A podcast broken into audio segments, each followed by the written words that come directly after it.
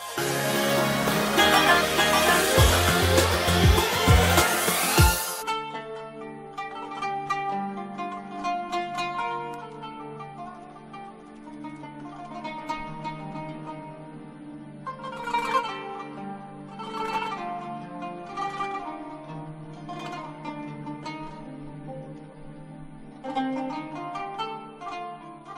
الله الرحمن الرحيم الحمد لله.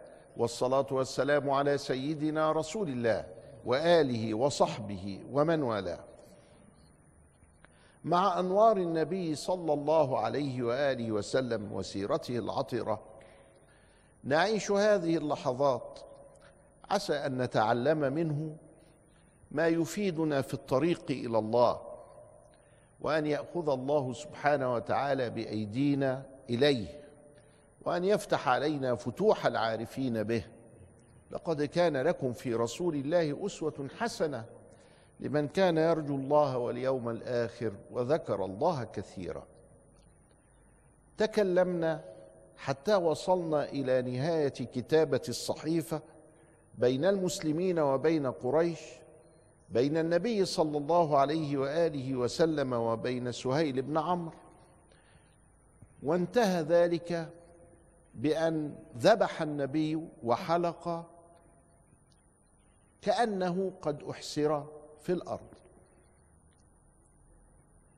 صدوا عن البيت الحرام حتى إنه لما جاء في أول مرة يدخل إلى الحديبية بركة القصواء والقصواء هي إبل سيدنا النبي صلى الله عليه وسلم. فقالوا خلقت القصواء القصواء تعبت ولا إيه؟ يعني آه، القصواء آه، ما بقتش ده كانت بتسبق كل البريمو نمرة واحد. فمالها كده؟ ضاعت القصواء خلقت القصواء. قال ما خلقت وما هو لها بخلق مش عادتها كده. وإنما حبسها حابس الفيل. طب وحابس الفيل ليه؟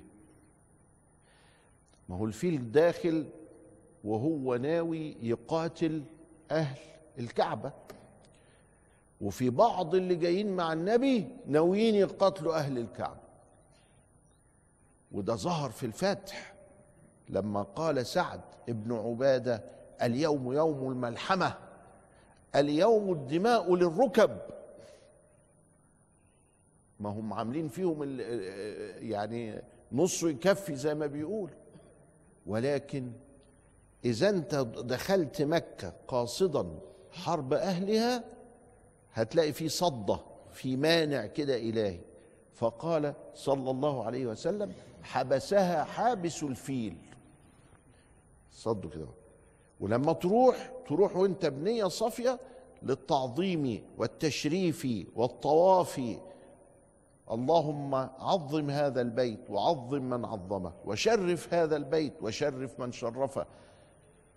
وانت داخل على البيت حتى إنه يقال عندما ترى بيوت مكة تقول اللهم إن هذا الحرم حرمك والأمن أمنك. فحرم جسدي على النار وأمن روعتي يوم القيامة. وهكذا. اذا لابد أن تدخل معظما ومشرفا متعبدا لله سبحانه وتعالى لأن الكعبة هي محل نظر الله. فلما كان بعض الناس في قلوبها احتمال القتال والاستعداد له بالرغم أن ليس معهم سلاح وبالرغم من أنه ليس عندهم استعداد وبالرغم من أن الواضح أننا نذهب للعمرة فلما كان الأمر كذلك حبسها حابس الفيل. فقال لها النبي قومي. فقامت. لأنها مختلفة عن الفيل. الفيل برك برضو كده ومرضيش فإذا ولوه إلى مكة امتنع. في وادي محسر سموه محسر لأنهم حسر فيه الفيل. ولما يديله ظهره يجري. الله. يعني انت عارف تجري اهو. ما خلقتش ولا حاجة يعني ما تعبتش وما غير. لكن في حاجة صدته. الغنم غنمي وإن للبيت ربا يحميه كلام عبد المطلب. قال له قدامك البيت يا أخويا أهو. بس على فكرة ده ليه رب يحميه. والتاني مش واخد باله. رب يحميه إزاي؟ أيوه ما البيت كان له رب يحميه.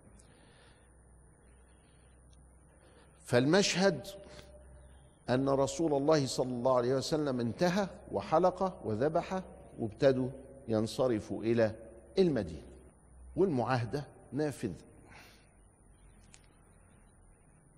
أبو بصير واحد من شباب مكة اللي هو فتوة وشاب. أسلم أبو بصير رضي الله تعالى عنه وأرضاه.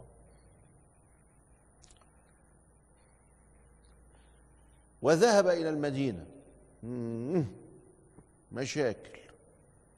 يبقى أبو جندل بن سهيل بن عمرو رديناه وإحنا في إيه؟ في الجلسه لكن أبو بصير ده بعد ما وصلوا المدينة جاي لهم أبو بصير وهو مسلم.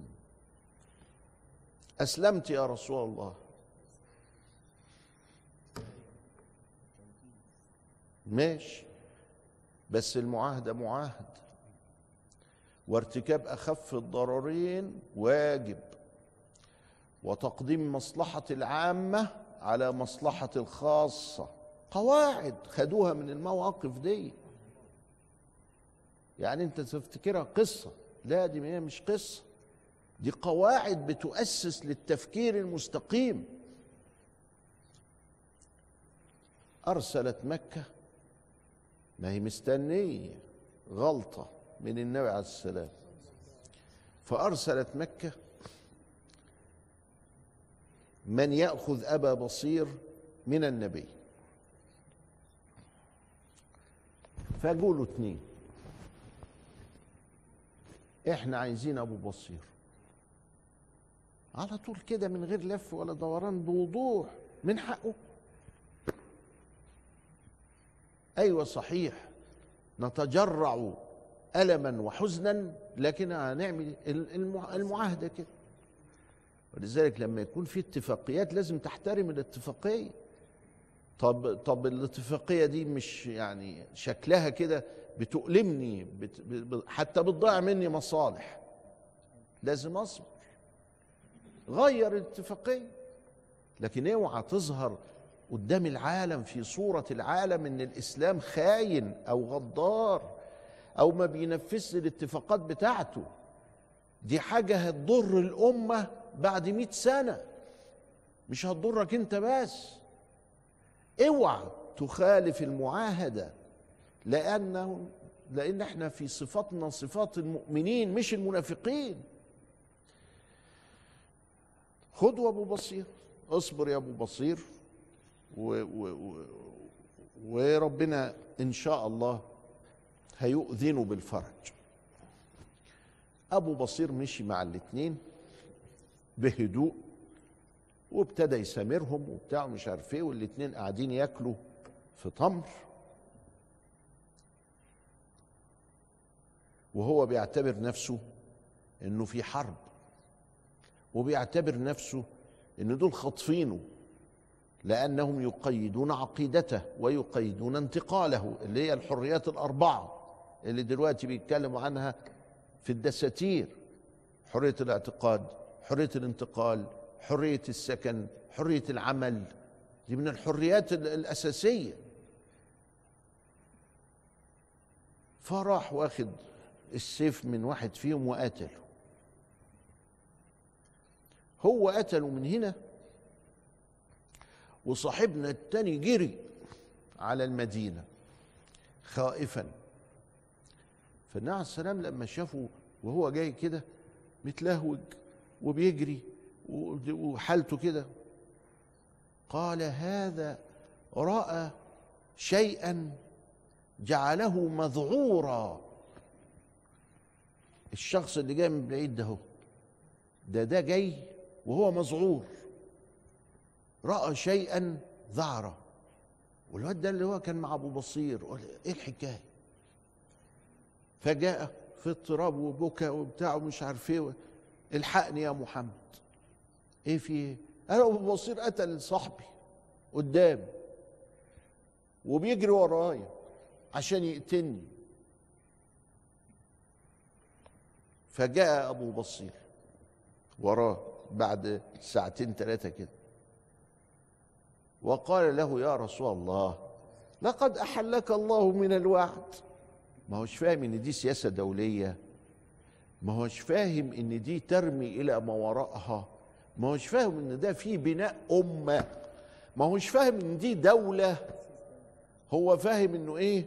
زي ما كان في القبائل زمان أحلك الله من الوعد أو ما أحلكش أو كذا إلى آخره يعني المستويات الشخصية. سبب فشل الناس في حكم الدول أن تقيس الدولة على الجماعة. الدولة مش جماعة.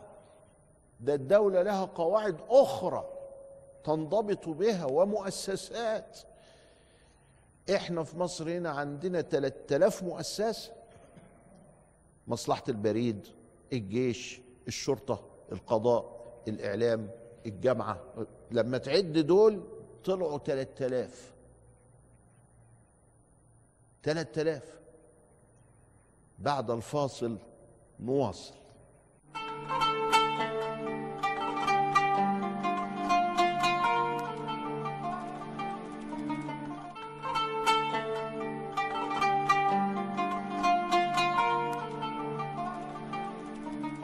بسم الله الرحمن الرحيم. الحمد لله والصلاة والسلام على سيدنا رسول الله وآله وصحبه ومن والاه.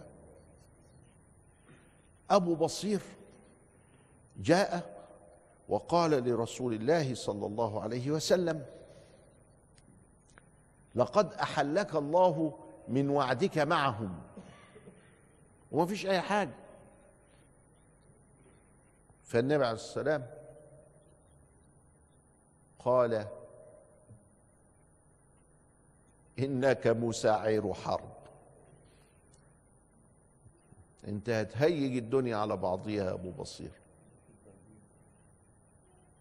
إنك مسعر حرب. وصارت هذه الكلمة من العبارات التي تستعمل فيما لو أن أحدا من الناس وعن غير قصد وبحسن نية هيضيع الدنيا. لو إنك شفت واحد إيه طيب ما في يعني ما فيش خبث ولا حاجة ولا في أي حاجة. ولكن تصرفاته هتضيع الدنيا. وبنقول له إيه؟ إنك مسعر حرب. مش راضي يسكت. بيسعر الحرب بي يعني وإحنا مش عايزين كده دلوقتي ده إحنا الخطة بتاعتنا الدولية. تهدئة الأمور واستقرار الدولة والانطلاق بهدوء إلى آخره.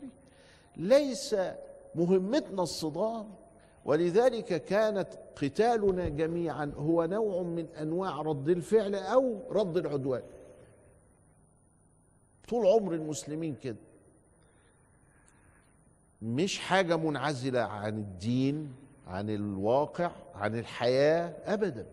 هي حاجة حياتية ولكن الدين جزء من الحياة وليس مصادما للحياة. الفرق بين الدولة والجماعة إيه؟ الجماعة بتقول الدين ضد الحياة يعني الدين حاجة كده هو الحياة فلازم تسيب الحياة علشان الدين. فالناس مش راضية. مش راضيين إحساسهم كده الفطري إنه يسيب الحياة إزاي يعني؟ أما أهل الله وأهل العلم فيرون أن الدين جزء من الحياة. بشتغل ببيع بشتري بتزوج بتقاضى بصلي. من ضمن وأنا قدام القاضي اذن البتاع وما أروح أصلي ونيجي وكده والقاضي يقوم يصلي. الدين إيه؟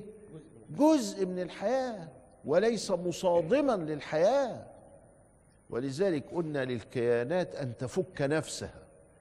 الكيانات دي أول ما بدأ حسن البنا يعمل الإخوان المسلمين فراح لشيخه الشيخ عبد الوهاب الحصافي رضي الله تعالى عنه فقال له اوعى.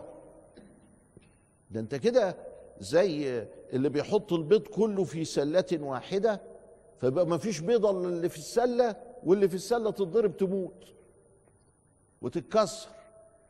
لكن الإسلام سرى في الناس في العالم سريان الماء في الورد. فأوعى تعمل كده. وكتب في مذكراته وكان لنا طريق وكان لهم طريق وصار كل في طريقه لا دول أولياء الله. راح للشيخ الدجوي. كبار هيئة العلماء هيئة كبار العلماء. العالم الازهري فرفض وقالوا لا. فاتكلم معاه كلمتين كده مش تمام خارجين عن حد الأدب. فقال له طيب هات هات ورقة وقلم اكتب إن إحنا نعمل دعوة مقالات ونعمل نشاط ونعمل مؤتمرات نعمل كذا إلى آخره. وسجل في من سجل الشيخ رشيد رضا. وكان الشيخ الدجوي ضد الشيخ رشيد رضا. الشيخ رشيد رضا عنده المنار مجلة فقال لا يبخل علينا بها. قال فأكبرته إن هو عمل خصمه. الشيخ الدجوي ضد الشيخ رشيد رضا بس ضده في داخل إيه؟ الفقه والإسلام وبتاع ده يرد عليه صواعق من نار على صاحب المنار. كتاب كده للشيخ الدجوي فرشيد رضا يرد على الدجوي في المنار الشيخ الدجوي يرد على رشيد رضا في كتاب وهكذا. لكن لما نيجي بقى كلنا ضد الاحتلال الإنجليزي كلنا نقف مع بعض. فمن لها عدة ناس تنفع إنها تعمل كده بس كلها إيه؟ دعوة مش كيان. بعد كده للأسف تحول إلى كيان ثم تحول إلى كيان داخل الكيان وأصبح نفس الشخص اللي هو فيه ما هوش دريان باللي بيحصل. فلما بنقول له دي جماعة إرهابية بيقول إزاي يعني؟ أنا مش إرهابي لأنك مش عارف. أنت منتمي فك الانتماء. نط من السفينة الغرقانة.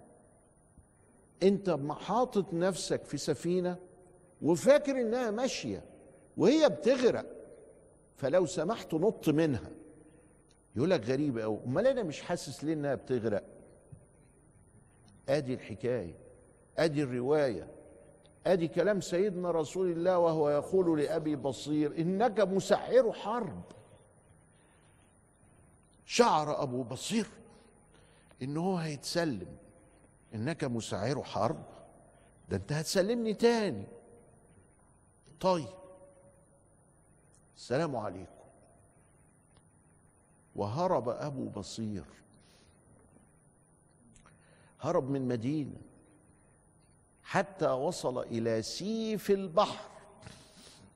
حتى وصل إلى سيف البحر. إيه سيف البحر ده؟ سيف البحر يعني شاطئ البحر. اللي هم بيسموها جدة.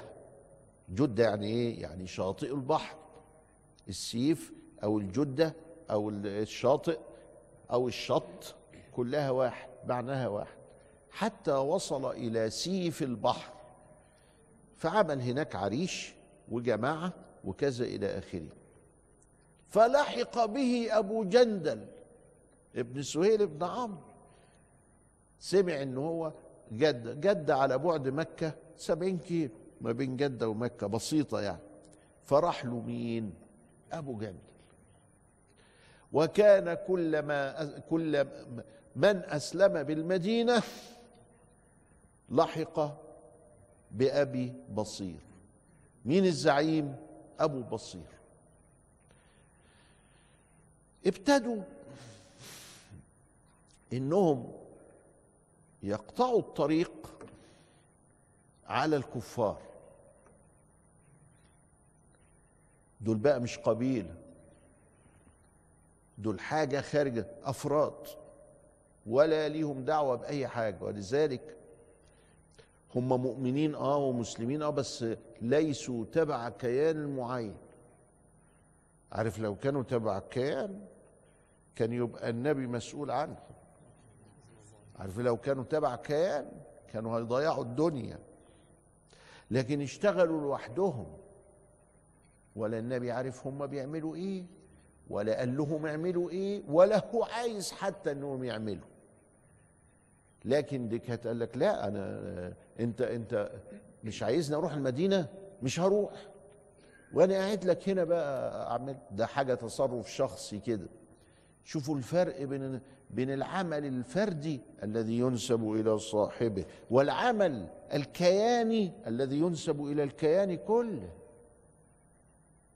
فلو كانوا دول بأمر النبي التشكيله دي أو تشكيلة خارجية وصلت إلى حد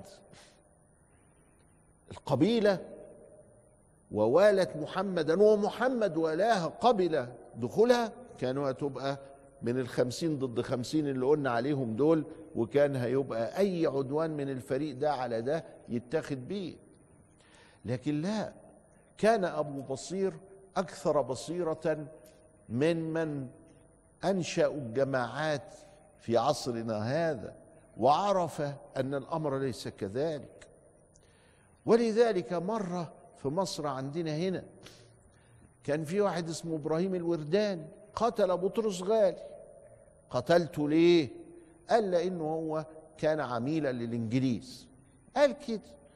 مسكنا إبراهيم الورداني وأعدمنا. ارتكب جريمة. قتل نفسا بغير حق. هو شايف كده. والشعب كله كان مع إبراهيم الورداني. وهو اللي قالوا له قولوا لعين الشمس ما تحماشي لحسن حبيب القلب طالع ماشي. راح يتعدم بكرة. لما العيسوي قتل ولما قتلت الخزندار قتلوا ولما محمود فهمي النقرشي مات بيد جماعة الإخوان المسلمين قبضوا على الجماعة كلها.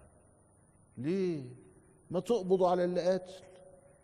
قال لا ده أنت منتمي الكيان إبراهيم الورداني ما كانش منتمي الكيان لما محمود عبد اللطيف حاول يقتل عبد الناصر واعترف عليه من أعطاه المسدس هنداوي دوير قبضوا عليهم كلهم في نص ساعة كان في 18 ألف واحد في المعتقل في نص ساعة لماذا؟ قال لك لأنه ده كيان ليه؟ لأن عندنا المباشر والمتسبب الاتنين يتعاقبوا مين اللي قال لك تقتل عبد الناصر؟ لازم أبحث. مين واحد فيكم؟ أقبض على الكل. ولذلك كان آآ آآ لم يعد هناك وقت نكمل في حلقة أخرى ولكن أبو بصير وأبو جندل يعني أتعبوا المشركين في مكة. إلى لقاء آخر. أستودعكم الله. والسلام عليكم ورحمة الله وبركاته.